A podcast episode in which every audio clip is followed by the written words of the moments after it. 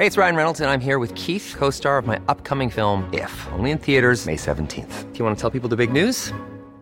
All right, I'll do. Sign up now and you'll get unlimited for $15 a month in six months of Paramount Plus Essential Plan on us. Mintmobile.com slash switch. Upfront payment of $45 equivalent to $15 per month. Unlimited over 40 gigabytes per month. Face lower speeds. Videos at 480p. Active Mint customers by 531.24 get six months of Paramount Plus Essential Plan. Auto renews after six months. Offer ends May 31st, 2024. Separate Paramount Plus registration required. Terms and conditions apply if rated PG. Millions of people have lost weight with personalized plans from Noom, like Evan, who can't stand salads and still lost 50 pounds. Salads, generally, for most people, are the easy button, right? For me, that wasn't an option. I never really was a salad guy. That's just not who I am. But Noom worked for me. Get your personalized plan today at Noom.com. Real Noom user compensated to provide their story. In four weeks, the typical Noom user can expect to lose one to two pounds per week. Individual results may vary. I'm Sandra, and I'm just the professional your small business was looking for. But you didn't hire me because you didn't use LinkedIn jobs. LinkedIn has professionals you can't find anywhere else, including those who aren't actively looking for a new job but might be open to the perfect role, like me. In a given month, over 70% of LinkedIn users don't visit other leading job sites. So if you're not looking on LinkedIn, you'll miss out on great candidates like Sandra. Start hiring professionals like a professional. Post your free job on linkedin.com/people today.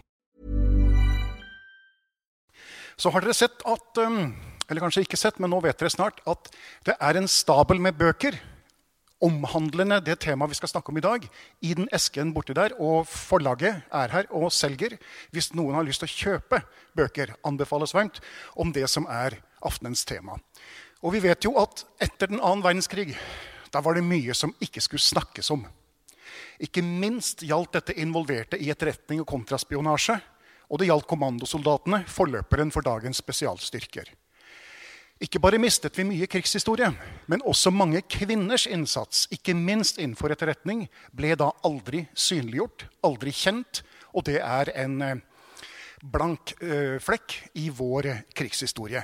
Nesten.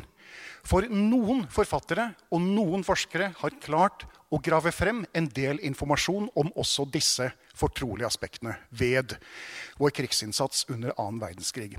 En av de er forfatter og journalist Edda Espeland, som har funnet frem til en del ny informasjon om XU, den hemmelige etterretningstjenesten vår under annen verdenskrig, og eh, hva dette gikk ut på, og hvordan de opererte, de som var engasjert i eh, denne virksomheten.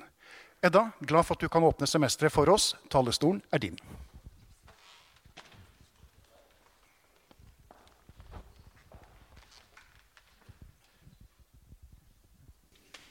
Sånn, da er det i orden. Da håper jeg at lyden virker som den skal. Um, først og fremst tusen takk for at jeg fikk lov å komme hit og snakke om Eksø. Um, det syns jeg er veldig hyggelig. Jeg vet jo at mange av dere helt sikkert vet ganske mye om Exu. Men sånn innledningsvis så syns jeg likevel det er greit å snakke litt om selve organisasjonen. XU var altså Norges største og mest effektive etterretningsorganisasjon under andre verdenskrig, med ca. 1500 agenter over hele landet.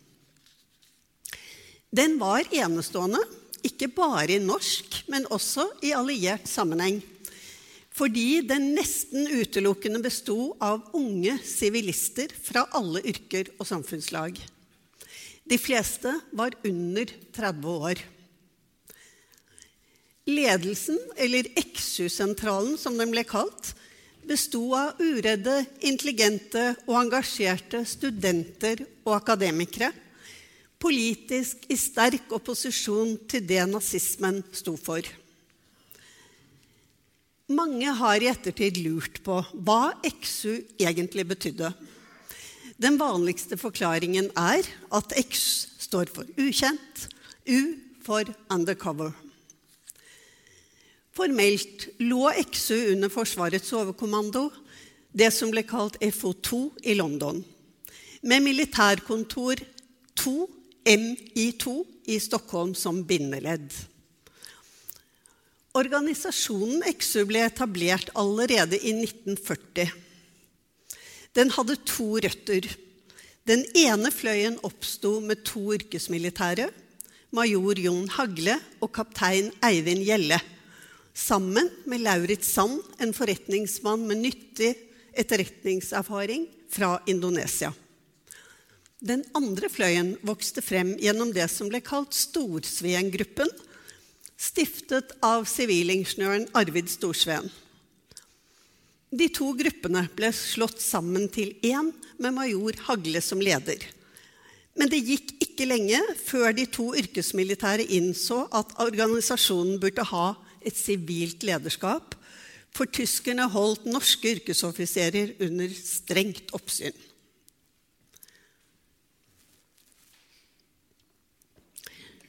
Høsten 1941 påtok Arvid Storsveen seg å være leder for XU. Og han hadde store ambisjoner for organisasjonen. I oktober samme år besøkte han militærattachéens kontor i Sverige, og det ble et viktig møte. For der ble de enige om at XU skulle videreføre og stå for alt etterretningsarbeid i Norge. I løpet av høsten 41 og våren 42 var det store nettverket stort sett på plass. Det var etablert en sentralledelse i Oslo som via en såkalt nettsjef sto i forbindelse med ekspedisjonssjefer, åtte i tallet, rundt om i landet. XU-sentralen i Oslo, med leder, nestleder, nettsjef og en håndfull andre, var kjernen i det store nettverket av agenter. Og de ledet all virksomhet i Sør-Norge. Trøndelag, Øst-Hedmark og Nord-Norge ble ledet direkte fra Stockholm. Exu hadde folk overalt. I departementene, i Statens vegvesen, i fengsler, i fangeleire, i Stapo, i havnevesenet, Folkeregisteret, Skipsfartsverket, Fyrvesenet og Telegrafverket. De hadde til og med en mann, exu-agenten Jan Eg Henriksen, i Quislings nærmeste krets. Alle skipsanløp i alle havner ble registrert. Alle tyske avdelinger i Norge ble systematisk kartlagt. De skaffet opplysninger om lokale NS-lag, om Gestapo og om angivere. På én en eneste dag kunne 500 tettskrevne A4-sider bli smuglet over grensen til etterretningskontoret i Stockholm og derfra til de alliertes hovedkvarter i London. XU hadde også fotografer over hele landet. Alt tyskerne drev med, alt som kunne vært til nytte, ble fotografert. Flyplasser, luftvernbatterier, havner, krigsskip, veier, broer osv. XU bidro altså med veldig mye viktig etterretning i løpet av de fem krigsårene og de ble etter krigen kalt de alliertes beste og mest effektive etterretningsorganisasjon.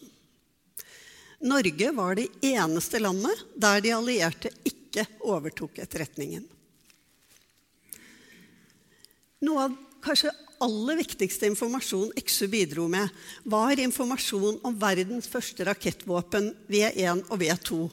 Våpnene som Hitler håpet skulle snu krigen i hans favør. Exo hadde nemlig også en agent i Tyskland som samarbeidet nært med Griffen, en av Churchills viktigste spioner i Tyskland. De to leverte bl.a. nøyaktige tegninger av de avanserte tyske rakettvåpnene. Men britene trodde ikke på dem. Gunnar Kverk, som på den tiden var nettsjef i Exu, fortalte i sin bok at britene hadde takket for sendingen, men de syns XU burde mye bedre ting å holde på med enn slike eventyr. De fikk slutte å lese Doktor X-spalten i Alders. Kverk hadde da telegrafert tilbake. Det er jo ikke vi som får de bombene i hodet, men det gjør dere. Så gjør oss en tjeneste. Når den første bomben faller uten å eksplodere, så sammenlign den med tegningen dere har fått fra oss. Totalt drepte disse rakettene minst 13 000 mennesker i London og flere andre europeiske byer. Utpå høsten 44 fikk EXO et nytt telegram fra London. Det lød Vær så vennlig, fortsett å lese Doktor X. Da hadde de sjekket en av rakettene mot tegningen de hadde fått. Exu leverte også betydningsfulle rapporter om tyskernes atomprogram og hvor forsøkene ble utført. Til tross for alt dette er det få som i ettertid har hørt om Eksu. Det kommer først og fremst av at agentene ble pålagt taushetsplikt om det de hadde vært med på. Dette direktivet om hemmelighold ble sendt fra Forsvarets overkommando i mai 1945, og det ble opphevet først i 1988 av forsvarsminister Johan Jørgen Holst fra Stortingets talerstol. Hvem var så menneskene bak denne unike etterretningsorganisasjonen? Arvid Storsveen, som jeg nevnte innledningsvis, var altså det sivile Exus første leder. Pga. arrestasjoner og stor usikkerhet i mai 42 valgte han å gå i dekning og dro etter kort tid til Sverige. Han fungerte imidlertid fortsatt som toppsjef for Exu både i Norge og utlandet, mens Øystein Strømnes etterfulgte ham som ny Exu-sjef i Norge. Den posisjonen skulle Øystein komme til å beholde gjennom hele krigen. Og han er en av de fire unge menneskene i Exu som jeg har konsentrert meg om i boken min. Det som også var ganske unikt for Eksjø, var at de hadde to unge kvinner i ledelsen. Realfagsstudenten Anne Sofie Østvedt, 20 år da krigen brøt ut. Hun ble organisasjonens nestleder. Og humleforskeren Astrid Løken, 28 år med krigens utbrudd. Jeg kommer nærmere tilbake til disse tre. Men Blant de 1500 Exo-agentene utover landet var også min far, Erling Espeland. Han bodde i Oslo, drømte om å bli journalist. Ved hjelp av en attest fra sin gymnaslærer August Lange fikk han jobb i avisen Vest-Oppland på Gjøvik. Og den 2. januar 1938 troppet han opp i redaksjonslokalene på Gjøvik. På redaktørkontoret satt Torstein Lange, en meget krevende sjef og med en svært Hitler-vennlig holdning. Hans nazistiske sympatier ble stadig mer tydelige. Han var en stor beundrer av det tyske riket og av tyskerne. Det han mente, var deres store handlekraft, deres styrke, deres sans for orden og system.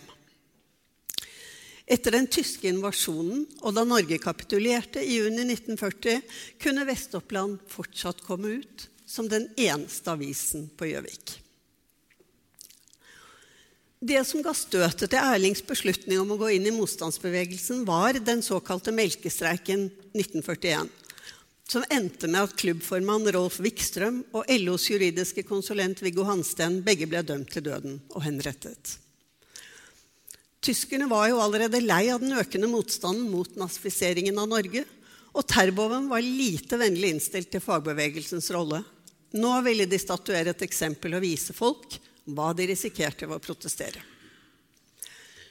Dypt sjokkert leste Erling om disse hendelsene. Han lå søvnløs om natten, lurte på hva og hvordan han kunne yte mest mulig aktiv og effektiv motstand mot de tyske makthaverne. Han tenkte at han måtte utnytte sin posisjon som en av redaktør Langes betrodde medarbeidere han kunne, i en tid der folk var fratatt radioapparatene sine, fortsatt lytte til London, og dessuten gikk all post til redaktøren gjennom ham.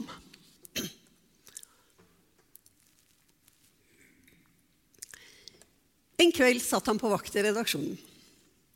Da dukket opp en mann som presenterte seg som Lars Lund.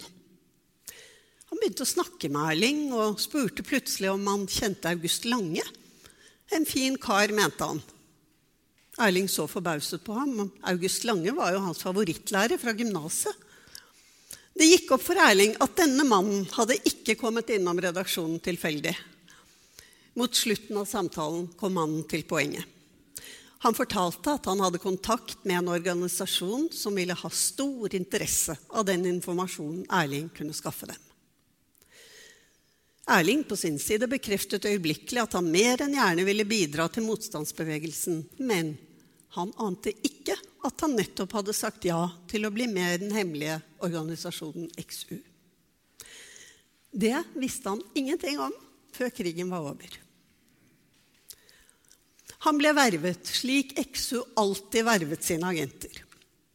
En som var med i organisasjonen, henvendte seg til en annen som han eller hun mente de kunne stole 100% på. Ofte gikk det gjennom en tredjemann. Den enkelte medarbeider skulle altså få kontakter til ledelsen som overhodet mulig, og samtidig fikk de klar beskjed om at de skulle holde seg til ham eller henne som hadde vervet dem, og ikke snakke med noen andre. Erling fikk altså ikke vite hvem som ellers var med i organisasjonen, hvordan den var bygget opp, eller hvem som styrte den. Dermed visste han heller ingenting om at XU ønsket å kartlegge all tysk aktivitet i Norge, og at de var svært interessert i alle opplysninger om Gestapo, om deres forbindelser. Han kjente heller ikke til at XUs instruks til ekspedisjonssjefene fortalte at de skulle bygge opp ulike celler og at Erling hørte hjemme i en politi- og nyhetscelle som skulle overvåke politiet, lokale NS-medlemmer og ellers skaffe opplysninger om situasjonen i distriktet. Erling fikk dekknavnet Håkon Granli. Samme høst bestemte han seg for å melde seg inn i NS, for på den måten å vinne nazistenes tillit og skaffe viktig informasjon til XU. Han hadde luftet det med min mor, Solveig, som skulle flytte til Gjøvik, for de hadde planlagt å gifte seg. Hun støttet ham fullt og helt, selv om det ville kunne ha dramatiske konsekvenser for dem begge. Erling tok kontakt med ham som hadde vervet ham til Exo Lars Lund, for å spørre hva han mente. Og han bekreftet det Erling selv hadde kommet frem til. Det ville utvilsomt være nyttig. Men Exu ga aldri ordre til noen, så beslutningen måtte han ta selv. I avisredaksjonen på Gjøvik satte dermed Erling i gang med sitt dobbeltspill. Hver dag plukket han opp ferske nyheter fra London. Han fikk informasjon om interne forhold i NS, om tysk aktivitet generelt, om Gestapo og planlagte arrestasjoner. Alle opplysninger ble sendt til XU-sentralen i Oslo. Hans oppdrag for XU gikk også ut på å bli kjent med NS-medlemmer og angivere. Det var særlig viktig å få et tillitsfullt forhold til Gestapo. Derfor gjorde han seg hyppige ærender til politikammeret på Gjøvik for å snakke med et par fryktede torturister og gestapister, lot som han beundret deres styrke og handlekraft og lyttet interessert til det de fortalte. På den måten fikk han mye nyttig informasjon. Han opparbeidet også et nært forhold til sønnen til politimesteren på Gjøvik, Karsten Lorang, eller Kalven, som han ble kalt. Han var politifullmektig på Gjøvik og agent for det tyske sikkerhetspolitiet. En svært brutal mann og veldig aktiv i arbeidet med å rulle opp motstandsbevegelsen. I sitt illegale arbeid kom Erling i kontakt med folk fra alle politiske partier, blant dem også kommunistene. Asbjørn Sunde med dekknavn Osvald sto, som dere alle vet, kjent bak oppbyggingen av en rekke sabotasjegrupper. Noen av dem var imidlertid litt vanskelig å samarbeide med, syns Erling. De hadde ikke alltid den nødvendige informasjonen før de gikk til aksjon. Og nettopp mangelen på informasjon gjorde en av Osvald-gruppens aksjoner særlig skadelig for XU og for Erling. Gruppen bestemte seg nemlig for å likvidere Karsten Lorang. De ante ikke at han var en av Erlings viktigste og beste informanter. Erling forsøkte desperat å stoppe aksjonen da han fikk vite det, men det var for sent. Laurent ble drept. En usedvanlig viktig kontakt for XU var dermed borte. Men la oss nå vende tilbake til XU-ledelsen og til de unge studentene som altså ledet etterretningsorganisasjonen gjennom stort sett hele krigen. Øystein Strømnes ble leder for Norsk XU i mai 42. Allerede i oppveksten viste han seg som en glimrende tryllekunstner. Det var hans største hobby, og han imponerte alle sine kamerater. Han var dessuten lynende intelligent og hadde en sterk interesse for skyting, så han meldte seg tidlig inn i en pistolklubb. Etter artium avtjente han sin verneplikt, men han hadde liten respekt for det militære. Han var i sterk opposisjon til alle autoritære myndigheter og mislikte det militære ordresystemet. Men Øystein var en usedvanlig dyktig leder for XU. Han var ekstremt opptatt av å sikre de enkelte agenter og organisasjonen fra opprulling. Security var et nøkkelbegrep for ham. Det skulle ligge til grunn for alt agentene foretok seg. Selv passet Øystein på å være kjent av svært få mennesker, og selv kjenne veldig få.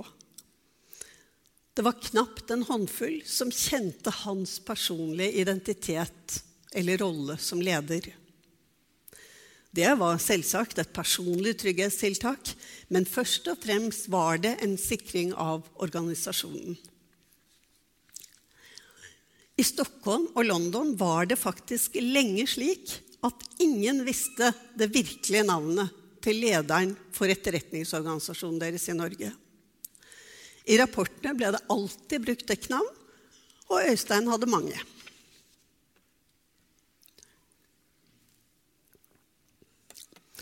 Øystein styrte aldri Eksjø etter militære prinsipper. Han var skeptisk til militære kommandolinjer, og han beholdt det gjennom hele krigen. Men ved siden av sin intelligens og sans for hemmelig organisering hadde han en sikker dømmekraft og stor omsorg for sine medarbeidere. Han hadde alltid klare standpunkter, men hvis noen syns, han syntes argumenterte bedre for et annet syn, så endret han gjerne oppfatning. Tryllekunsten hadde han også stor glede av.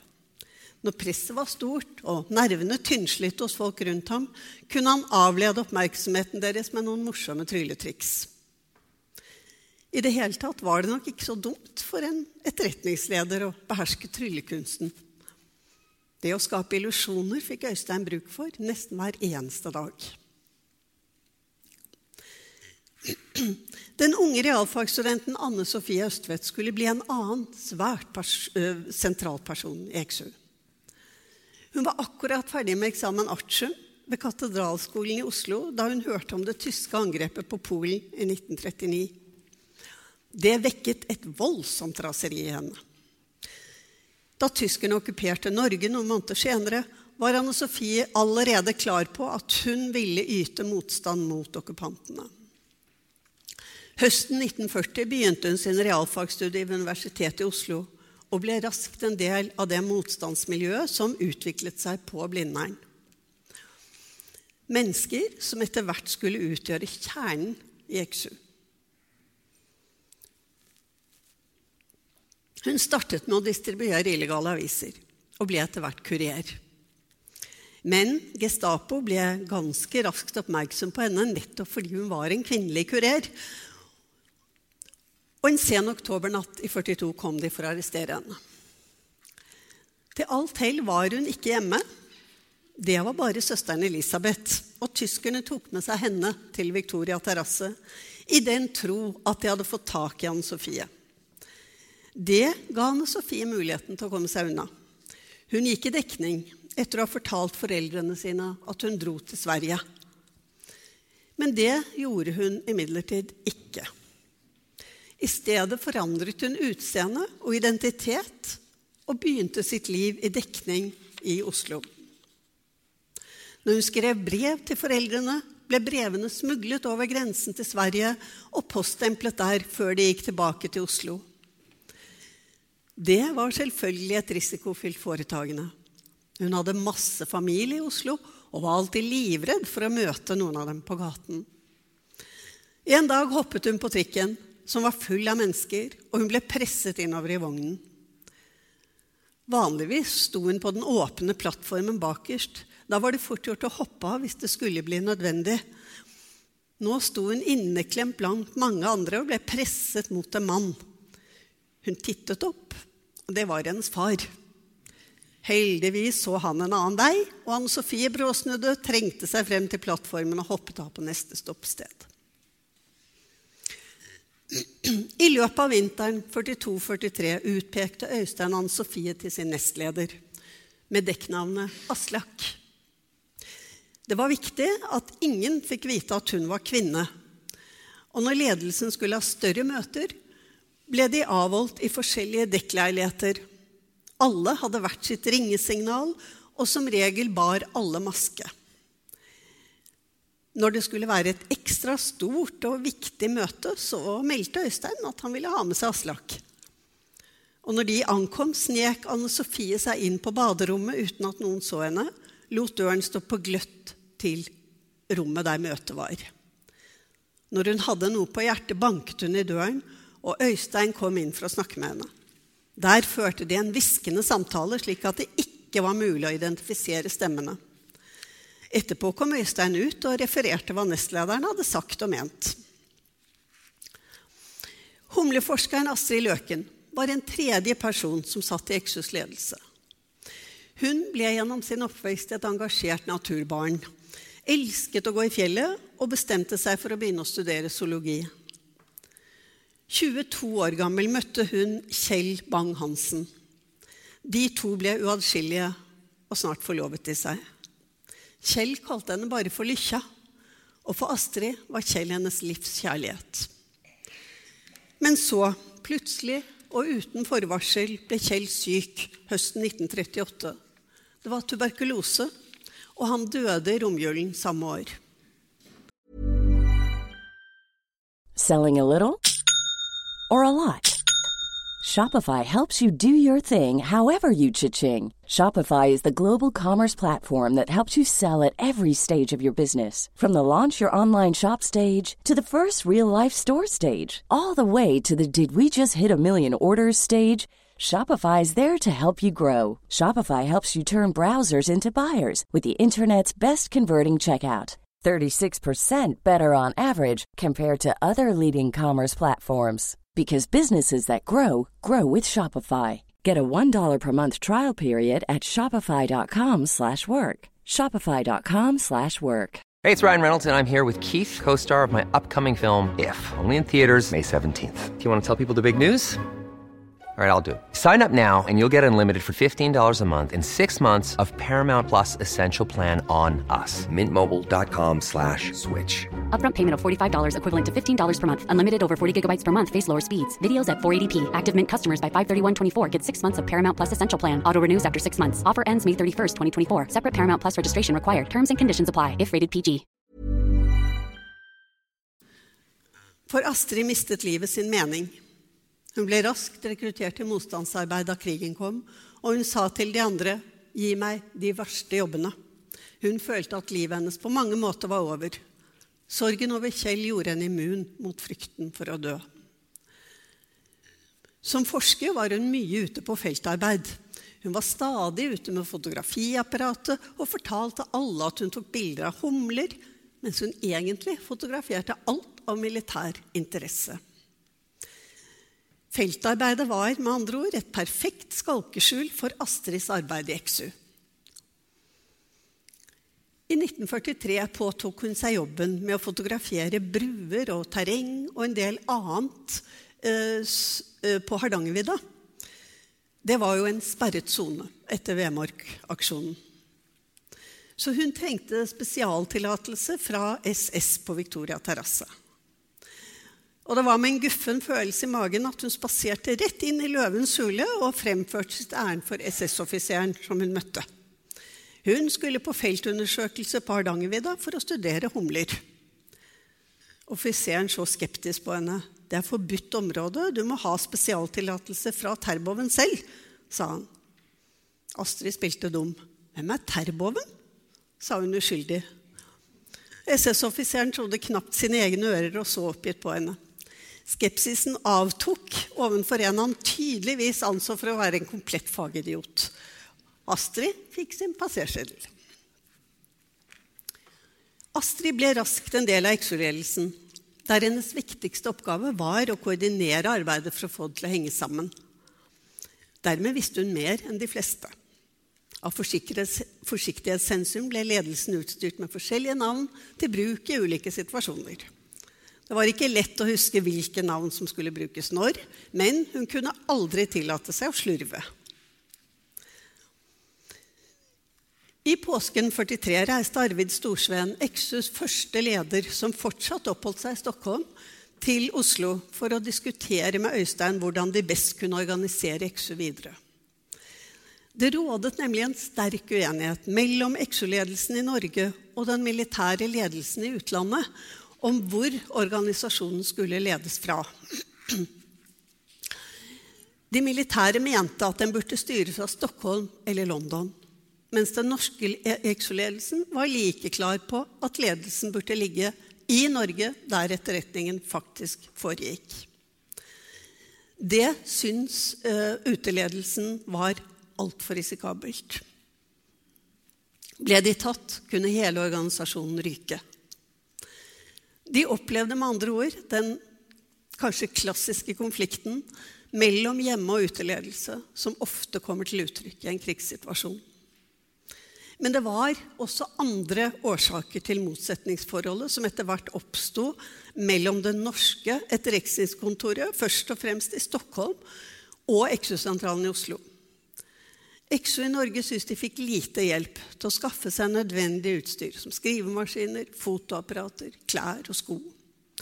Dessuten mente Exo i Norge at sikkerheten ved Stockholmskontoret var under enhver kritikk. Noe som også ble bekreftet av Gunnar Skjønsteby, som tidvis jobbet fra Stockholm som SOE-agent. Han syntes de var uforsiktige, viste liten forståelse for sikkerhet i krigstid. Lekkasjer fra Stockholm førte flere ganger til arrestasjoner, tortur og død i Norge. Det var liten tvil om at konflikten med Stockholmskontoret og lederne utenfor landets grenser kostet mye for Exo-ledelsen og det var en konflikt som faktisk bare eskalerte i løpet av krigsårene. Arvid Storsveen og Øystein hadde imidlertid et godt forhold. Det var preget av gjensidig respekt, og alt tyder på at de ble enige om at det ikke var noen god løsning å legge hele styringen av organisasjonen utenfor landets grenser. Men de fikk aldri satt noe ned på papiret. Da Arvid Storsveen kom hjem til en av Yxus dekkleiligheter i Oslo, ventet tyskerne på ham. De skjøt ham, og han døde der 28 år gammel. Tyskerne hadde imidlertid ingen anelse om hvem de hadde skutt. De hadde fått informasjon om leiligheten gjennom en aksjon mot Osvald-gruppen, og ante ikke at de nettopp hadde skudd sjefen for Norges største etterretningsorganisasjon. Han hadde bare falske papirer på seg, og dermed var Exu intakt. Øystein overtok dermed som eneleder av Exu i Norge. Etter drapet skjerpet han sikkerheten i Exu ytterligere. Han påla seg selv nye sikkerhetstiltak. Når han var ute på farlige oppdrag, fulgte en mann med pistolam som en skygge. Mannen hadde bare én eneste oppgave å skyte Øystein hvis han ble tatt. I 1943 fikk Ekshus sitt hovedkvarter i Etmersveien 48 i Oslo. Det ble leid ut til ekteparet Oddvar og Åse Berge, altså Eksjøs leder og nestleder Øystein og Anne Sofie. Særlig Anne Sofie følte en enorm lettelse da hun kunne flytte inn i huset. Siden hun gikk i dekning i oktober 42, hadde hun bodd i en lang rekke forskjellige leiligheter og hun visste aldri hvor hun skulle sove neste natt. Huset i Etmyrsveien ble bygget om til formålet med hemmelige rom og avanserte låssystemer. En snekker laget et usynlig rom for oppbevaring av hemmelige dokumenter i et av trappetrinnene. Etterretningsmeldingen fra hele landet strømmet inn til Etmersveien 48. Det var store mengder viktig informasjon både til norske myndigheter og til de allierte. Exo-agentene benyttet seg av en lang rekke teknisk avanserte løsninger for å kode, kopiere og smugle dokumenter. Først og fremst takket være to i den innerste XU-kretsen, Otto Øgrim og Kåre Hemsen. Otto Øgrim hadde som spesialoppgave å skrive om, fotografere og kode meldinger og rapporter. Kåre Hemsen utviklet bl.a. en teknikk som gjorde det mulig å nedfotografere A4-sider til en halv kvadratmillimeter, et såkalt frø, altså stort som et punktum. Dette gjorde smuglingen enkel, men forarbeidet var svært tidkrevende. Skulle noen være så uheldig å miste et frø, var det nesten umulig å finne det igjen. Det kunne være nok at man var litt uforsiktig med hvor man pustet, så var frøet søkk borte. Disse hemmelige dokumentene ble fraktet til Sverige på ulik vis. En metode som ble mye brukt, var forsendelse av de ørsmå dokumentene i bitte små hulrom, f.eks. i en uthult skrue. Kurerene fra Eksjø var særlig glad i Stockholmstoget, for der kunne de bytte en skrue i jernbanevognens toalettspeil med en uthult, og vice versa. Og hadde forsendelsen litt større volum, ble gjerne selve toalettet tatt i bruk. Da skrudde det av klosettringen, og på baksiden av ringen ble det boret et sylinderformet hull hvor en sylinder med gjenger kunne skrus igjennom. På toalettrommet kunne de jo også stort sett arbeide uforstyrret uten at noen ble mistenksomme. Men det hendte at konduktøren banket på døren fordi han syntes det tok veldig lang tid der inne. Og da svarte kureren kjapt noe sånt som 'Jeg har mavesyke. Vil De komme inn?' Ellers fraktet de frøene i tannpastatuber, hule barberkoster og skoheler. Hule fyrstikker ble etter hvert veldig mye brukt. For eh, skulle kureren bli tatt, var det bare å rive av fyrstikken, og alle spor var borte. Av og til fraktet de også frøene i klokker. I Etmyrsveien ble det arbeidet dag og natt. Når telefonen ringte, tok Anne Sofie den som regel stående det kunne være en viktig beskjed i form av en kode, et nødanrop fra en exo-agent eller et varsel om at Gestapo var på vei. Hun måtte være årvåken. Aldri kunne det tillate seg å slappe av. Var det noen som drev dobbeltspill, noen som forsøkte å infiltrere organisasjonen? Et ord sagt til feil person eller feil tidspunkt kunne få uante følger.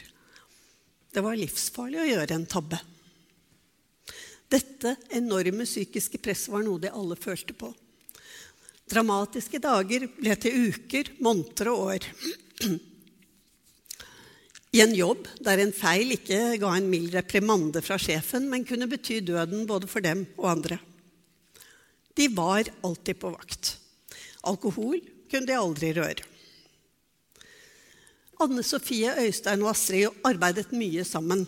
De kjente hverandre godt, hadde stor tillit til hverandre og opparbeidet en unik fellesskapsfølelse. Etterkrigskorrespondansen mellom Anne Sofie og Øystein viste at de på et, et, eller annet tidspunkt under krigen ble kjærester, og at de utviklet et sterkt kjærlighetsforhold. Men det holdt de selvfølgelig strengt hemmelig, for de visste godt at hvis det ble kjent, ville det gjøre dem altfor sårbare. Sent på våren 43 ble Anne Sofie alvorlig syk av difteri.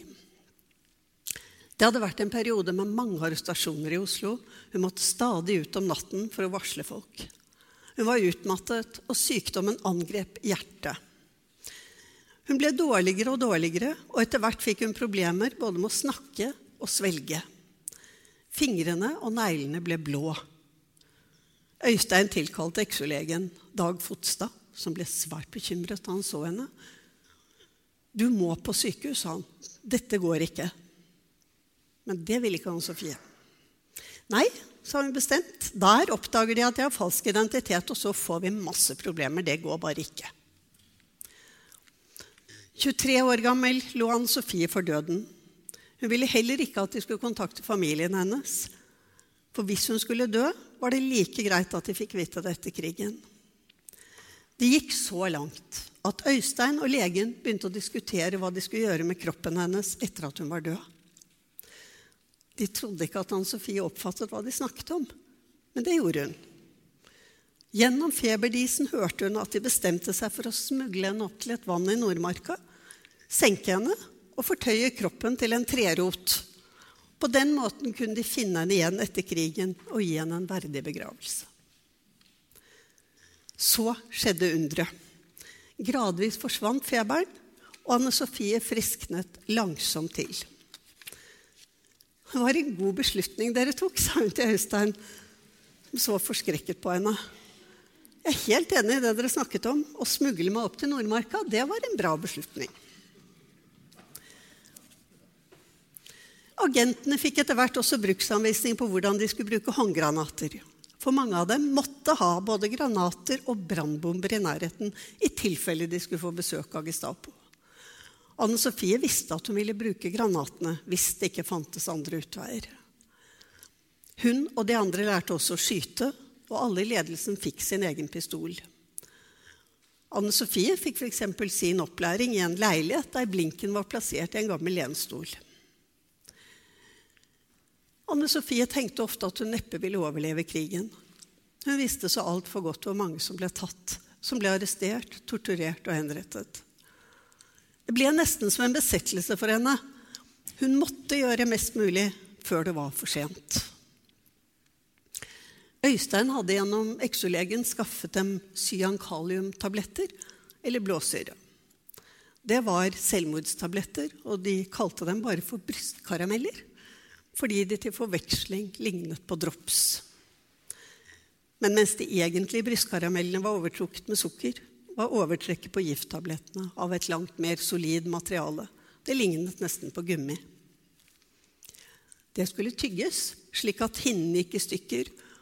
Helst skulle de også bite seg i slimhinnen på innsiden av kinnene så det blødde. Da virket tablettene raskest. Brystkaramellene var forbeholdt ledelsen i Eksju fordi lederne nettopp utgjorde en så stor risiko for andre hvis de ble arrestert og utsatt for tortur. Anne Sofie hadde alltid en blåsyretablett med seg. Og hvis hun var ute på et spesielt farlig oppdrag, gikk hun med den i munnen, selv om hun var redd for at den kunne gå i stykker. Om natten lå pillene under hodeputen sammen med pistolen. Og hun var ikke i tvil. Ble hun tatt av nazistene, ville hun bruke pillene. Hun hadde brukt mye tid på å tenke gjennom situasjonen hun var i, og kommet frem at hun var ikke redd for å dø. Derimot var hun veldig redd for tortur. Frykten var at hun ikke ville klare å holde ut og ende med å angi nære venner. I motsetning til Anne Sofie var Astrid slett ikke sikker på om hun ville greie å tygge denne pillen. Det ville gå 16-17-18 sekunder kanskje før den virket, og de sekundene ville være ganske forferdelige. Kanskje skjønte ingen av dem fullt ut konsekvensen av det de holdt på med. Men der og da tenkte Astrid bare én ting. Jeg skal greie dette. For Erling tok også det illegale arbeidet stadig mer av hans tid. Og han så seg nødt til å finne en grunn til å gjøre mindre av sin ordinære journalistjobb. Med hjelp av en doktor ved Gjøvik sykehus fikk Erling diagnosen magesår. Han ble tatt under behandling av legen, som på ordinær måte ga ham kontrastvæske og tok bilder av magesekken hans. Den var både hel og fin. Så byttet legen om bildene med en annen pasient som hadde ekte magesår og dermed kunne Erling sykmeldes med lånt magesår. Kanskje var han inspirert av en liten håndbok som mange exo-agenter hadde stor glede og nytte av. Den var høyst sannsynlig skrevet av barnepsykiateren Nick Wall. Boken het 'Sykdom din redning' og var laget nettopp for å hjelpe de som måtte skaffe seg en sykemelding i hui og hast. Det måtte være mest mulig troverdig når de beskrev sine sykdommer og plager. Og det skulle denne håndboken hjelpe dem med. I Oslo ble den tyske terroren stadig verre. Alle måtte være forberedt på å bli kroppsvisitert. Gestapo kunne plutselig stenge av et helt område, kaste seg over tilfeldige mennesker. Det var selvfølgelig en uhyre dramatisk situasjon for Exo-ledelsen, som stadig måtte utfordre skjebnen for å få hentet eller levert viktige dokumenter. Samtidig forverret konflikten med uteledelsen seg. De mente at Eksjø burde desentraliseres, slik at hvert enkelt distrikt skulle rapportere direkte til Stockholm, og at sentralledelsen burde nedlegges. Den oppfatningen møtte sterk motstand i Norge og ble aldri gjennomført. I Norge var de klare på at en desentralisering ville være for risikabelt og krevende, både teknisk og kompetansemessig. Og egentlig så var vel dette en fundamental uenighet mellom uteledelsen og den norske exo-ledelsen som gjaldt hvor lenge man burde være leder for en hemmelig etterretningsorganisasjon. Uteledelsen mente at når man hadde arbeidet lenge i illegal virksomhet, utgjorde man en stadig større trussel for organisasjonen. Øystein og de andre i XU-sentralen mente derimot at man var aller mest utsatt den første tiden. Da hadde man ingen illegal erfaring, folk var mer nervøse, og som regel hadde de heller ikke noe overblikk over situasjonen de befant seg i. Så han anslo de første ni månedene til å være den farligste tiden. Denne konflikten og situasjonen virket i det hele tatt ganske fastlåst. Men da kom freden. Først den 8. mai 1945 fikk Erling vite at det var den hemmelige etterretningsorganisasjonen XO han hadde jobbet for. Av hensyn til familien sin gikk han eh, med en gang til Vest-Oppland politikammer og ba om å få sitt NS-medlemskap gransket. Det resulterte i at han raskt ble renvasket. I motsetning til veldig mange andre XO-agenter var han altså usedvanlig heldig. Jeg tror kanskje det har sammenheng med at han også arbeidet med illegale aviser, og at han var sekretær for Sivorg på Gjøvik det siste krigsåret. Hadde han bare arbeidet for kunne, ville han følt seg bundet av taushetsplikten. Og etterkrigstiden kunne fort sett ganske annerledes ut, både for ham og for oss. I mai 45 befant Erling seg i en fiskebåt ved Færder. Han hadde fått det ærefulle oppdraget sammen med fem andre pressefolk å møte regjeringen Nygaardsvold da de kom tilbake til, fra London. Det ble en stor opplevelse. Et par uker senere, i juni 45, var eksefolk fra hele Norge samlet til fest på Håndverkeren i Oslo.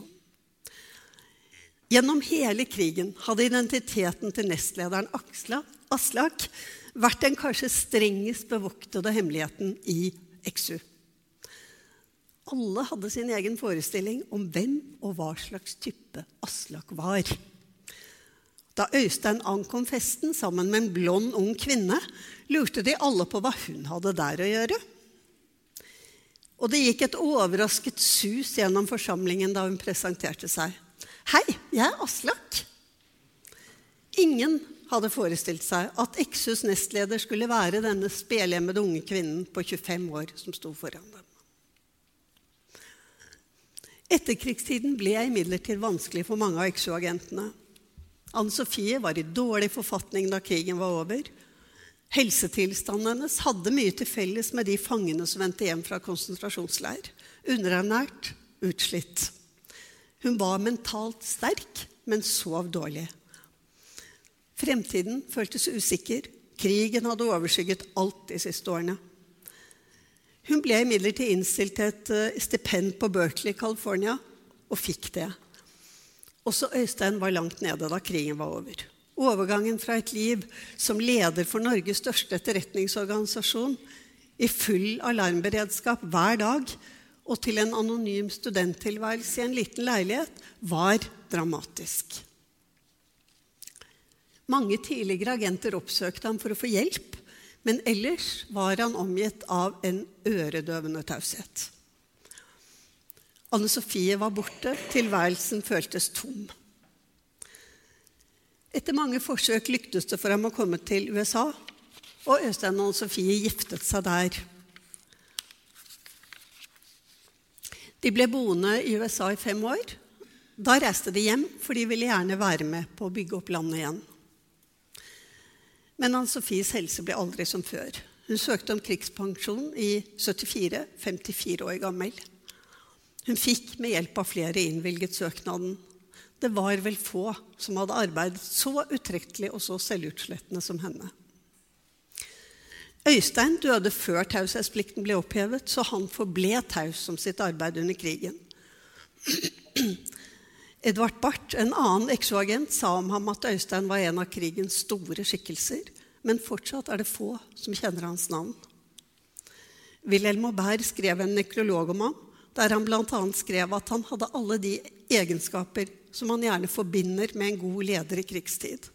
Mot, styrke, utholdenhet og stor evne til nøktern bedømmelse av vanskelige situasjoner. Humleforskeren Astrid Løken var en av de Exo-agentene som hadde jobbet lengst for Exo. Da krigen var over, behøvde hun plutselig ikke lenger leve med dobbel identitet, og det føltes både rart og vanskelig. Det føltes derfor som en gave fra himmelen da også hun fikk innvilget stipend og kunne reise til USA for et halvt år. Astrid arbeidet ved Zoologisk museum ved Universitetet i Bergen helt til hun gikk av med pensjon, og døde 97 år gammel. Hun sa etter krigen at hun syntes det var vanskelig å forklare hva som drev dem, hun visste bare at det aldri var aktuelt å slutte, for tyskerne måtte ut. Vi kunne ikke leve med det, sa hun. Noen som hadde meldt seg inn i NS eller på annen måte hadde arbeidet for tyskerne for å skaffe informasjon til Eksu, fikk aldri muligheten til å renvaske seg pga. taushetsplikten. Det medførte mye lidelse. Jeg har nevnt noen eksempler på dette i boken. Min far var som sagt veldig heldig som ble renvasket så raskt. Og generelt sett var han lite preget av hendelsene under krigen. Da jeg spurte ham om han ville ha gjort det samme igjen, svarte han som så mange andre exo-agenter jeg hadde ikke noe valg. Alle midler måtte brukes for å stoppe tyskerne. Jeg kunne ikke være passiv tilskuer til det som skjedde. I motsetning til mange andre var det altså stille om exo-agentene da krigen var over. Først og fremst pga. taushetsplikten. Men mange av dem ønsket heller ikke å snakke om det de hadde vært med på. De betraktet krigen som et mørkt kapittel i livet sitt og ville videre. På et møte ikke lenge etter krigen slutt bestemte Exo-ledelsen at bare de døde skulle innstilles til ordner. Det ville være helt umulig å få til en rettferdig fordeling, mente de. Dessuten syntes de det var viktigere ting å tenke på etter krigen enn medaljer og ære. På 1980-tallet sa Anne Sofie imidlertid ja takk til å motta deltakermedaljen, som rangerer som nummer seks, som dere sikkert vet, blant de militære utmerkelsene under andre verdenskrig, og som nummer 23 i rekken av norske sivile og militære utmerkelser godkjent av kongen. I 2011 satte Forsvarsdepartementet i gang en granskning av rundt 1200 personer foreslått for krigsdekorasjoner. Konklusjonen ble imidlertid at det ikke skulle deles ut flere. Det var ikke mulig å dokumentere innsatsen med stor nok sikkerhet, mente de.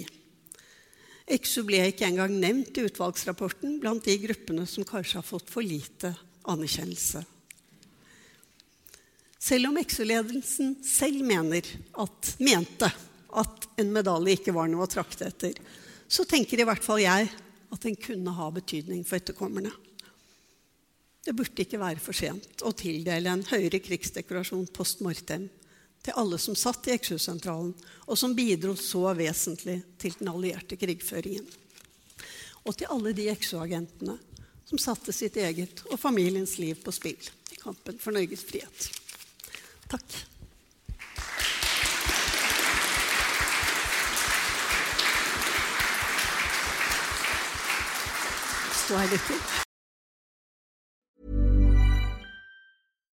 Why don't more infant formula companies use organic, grass fed whole milk instead of skim? Why don't more infant formula companies use the latest breast milk science? Why don't more infant formula companies run their own clinical trials? Why don't more infant formula companies use more of the proteins found in breast milk? Why don't more infant formula companies have their own factories instead of outsourcing their manufacturing? We wondered the same thing. So we made ByHeart, a better formula for formula. Learn more at byheart.com.